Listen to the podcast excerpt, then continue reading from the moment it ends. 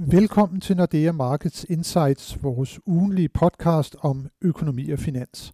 Jeg er Helge Pedersen, og i dag har jeg Nils Christensen med i det julepyntede studie, hvor pebernødderne de frister os. Ja, tak for det, Helge.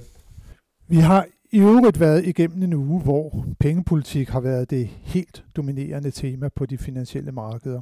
Centralbankerne i USA, Euroområdet, Storbritannien og Japan har hver især afholdt rentemøder, og det samme har været tilfældet i blandt andet Norge. Og flere af centralbankerne sat renten op i lyset af den markante inflationsudvikling, mens andre signalerede, at en stramning står for døren. Men alle bankerne pointerede også den latente risiko, som fremkomsten af den nye omikron-variant indebærer for den økonomiske aktivitet på kort sigt. Og Niels, hvad skal vi egentlig konkludere på baggrund af møderne? Var der noget, som overraskede markederne?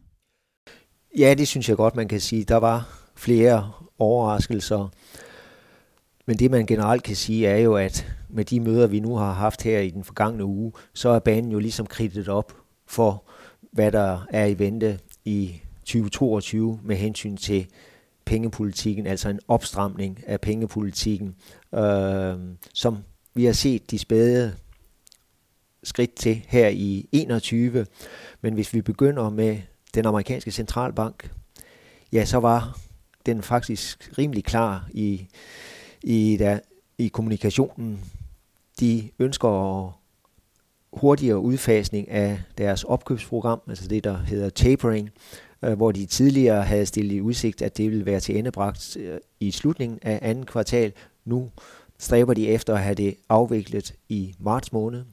Og når det er sket, ja, så er der åbnet op for, at der kan komme renteforhøjelser i USA.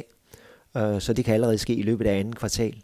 Øh, så vi kan sådan set godt forvente, at den amerikanske centralbank kommer til at sætte renten op flere gange i løbet af, af 22, måske tre gange. Det er, er vores bud. Og, og, det, var, og det var også, hvad de signalerede. Præcis. Det var også øh, netop, hvad Fed selv signalerede i det, der hedder deres dot plot, altså de enkelte medlemmers forventninger til den amerikanske styringsrente. Vi kalder det også rentebanen. Ja, den blev løftet både i 22, men også ind i 23, så op, øh, udsigt til betydelig hurtigere opstramning af den amerikanske pengepolitik. Og som du var inde på, Paul var, var, var ganske klar med hensyn til årsagen til det. Det er det højere inflationspres, man ser i USA. Øh, og selvom vi på det seneste måske nok har haft lidt skuffende øh, jobrapporter øh, fra USA, ja, så ser det stadigvæk ud, eller så er vurderingen i den amerikanske centralbank, at vi nærmer os fuld beskæftigelse, eller vi kommer i hvert fald til at, at se det i løbet af, af 22, og det giver pres på de amerikanske lønninger, og er så en ekstra kilde til opadgående pres på priserne. Og det er jo det, Fed vil komme i forkøbet med opstramning af pengepolitikken. Så en klar tone fra den amerikanske forbundsbank. Hvis vi så vender blikket mod øh, Europa, ECB var også i mødeset med øh, stor spænding. Det var de.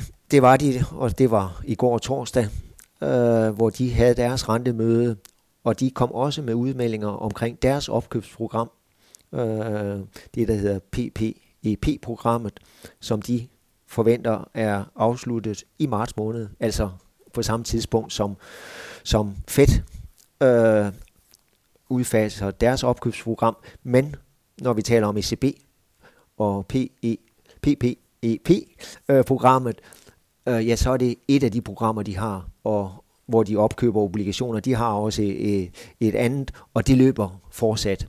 Og, og der vil man endda sætte beløbet op. Men man så sætte øh, beløbet op.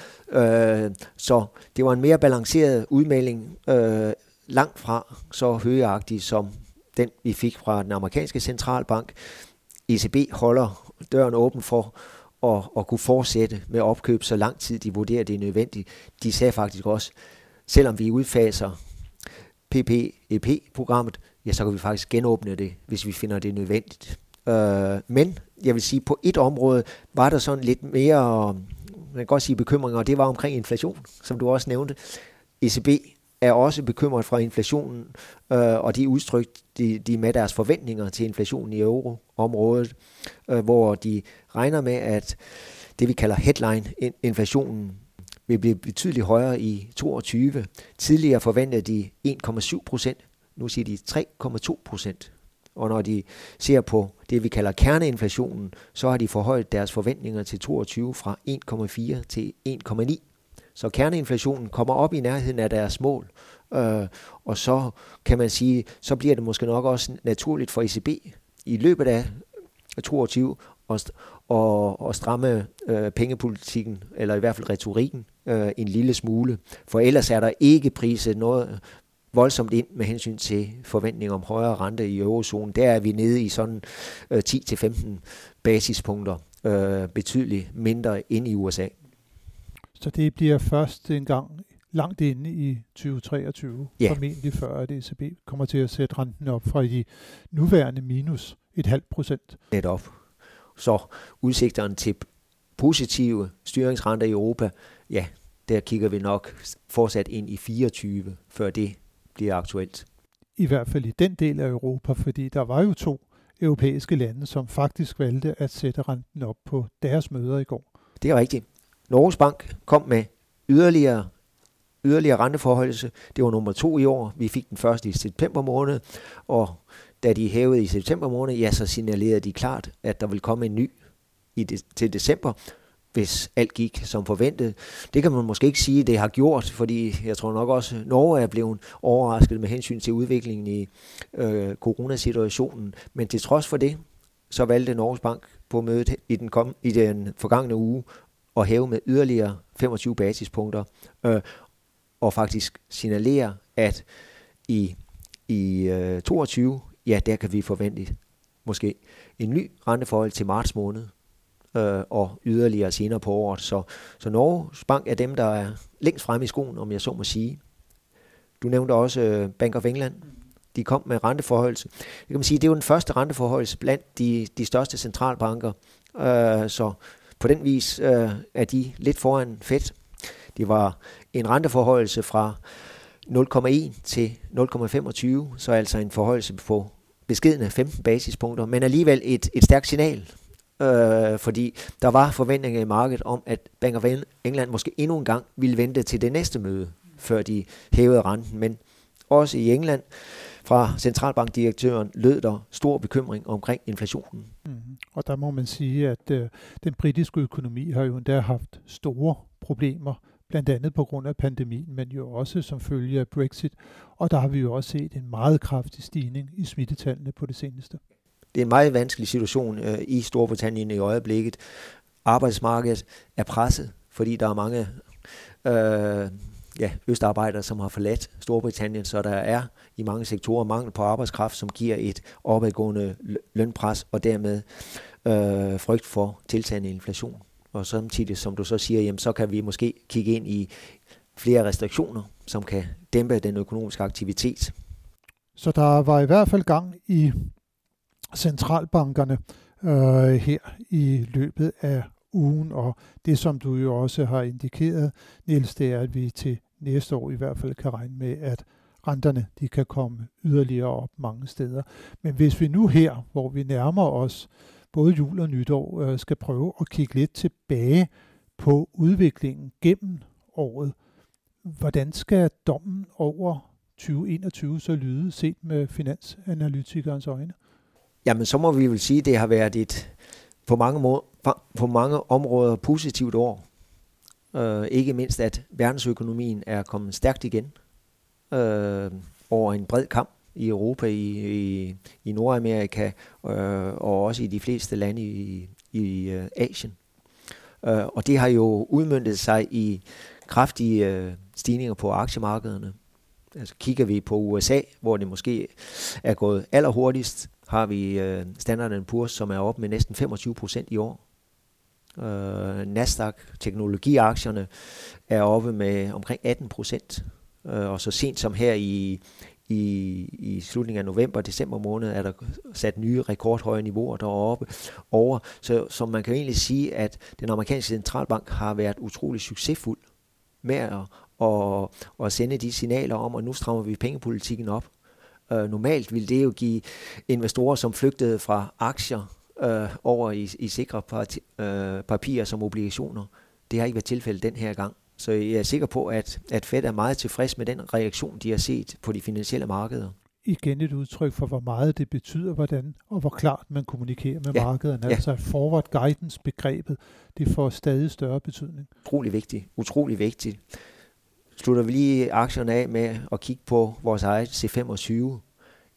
Også meget positive takter hen over efteråret var der perioder, hvor de danske store aktier, eller store virksomheder, deres aktiekurser var op med 20 procent. Men vi må konstatere her i anden halvår, der har tendensen i de danske aktier mere været side, sidelæns end fortsat opad. Så det ser ud som om, at, at aktierne, i hvert fald i Danmark, lige for, for, for indeværende øh, tager en pause. Og hvis vi så lige kigger på rentemarkederne? Rentemarkederne, ja, har jo sådan set været præget af af to halvdele, eller næsten første kvartal kan man indsnævre det til, der fik vi de rigtig kraftige renteforhold, øh, rentestigninger øh, i markedsrenterne, altså de korte og, og især de lange obligationsrente. Det var på grund af de lange amerikanske renter, som steg kraftigt øh, i første kvartal og trak de europæiske med sig opad. Og så i, især i anden halvdel har vi haft, jeg vil sige, en overraskende stabilisering i de lange renter. Der er der har været nervøsitet, og vi har set egentlig også store daglige og ugenlige udsving i de lange renter, men det har været inden for et interval. Øh, så vi har set i USA, at den 10-årige statsrente har sådan ligget omkring 1,5 procent, øh, og den har været oppe omkring de 1,75. Så den er ikke fortsat med at stige, selvom Fed nu strammer pengepolitikken. Nej, det gør man nu, men man har jo gennem året haft sit store opkøbsprogram kørende. Det har vel også været med til at holde renterne nede. Og det, det bliver jo et interessant øh, hvad skal man sige, fænomen, eller om jeg så må sige, at, at, at, at se, hvordan det kommer til at påvirke renterne i 22, når de store centralbanker køber mindre op, er der så private investorer, som vil udfylde det hul i efterspørgselen efter obligationer. Det var lige en øh, afrunding på rentemarkedet, i hvert fald sådan, hvordan det er gået igennem det meste af året. Men Nils, du kigger jo også rigtig meget på valutamarkedet. Det har jo også været præget af nogle ret store udsving.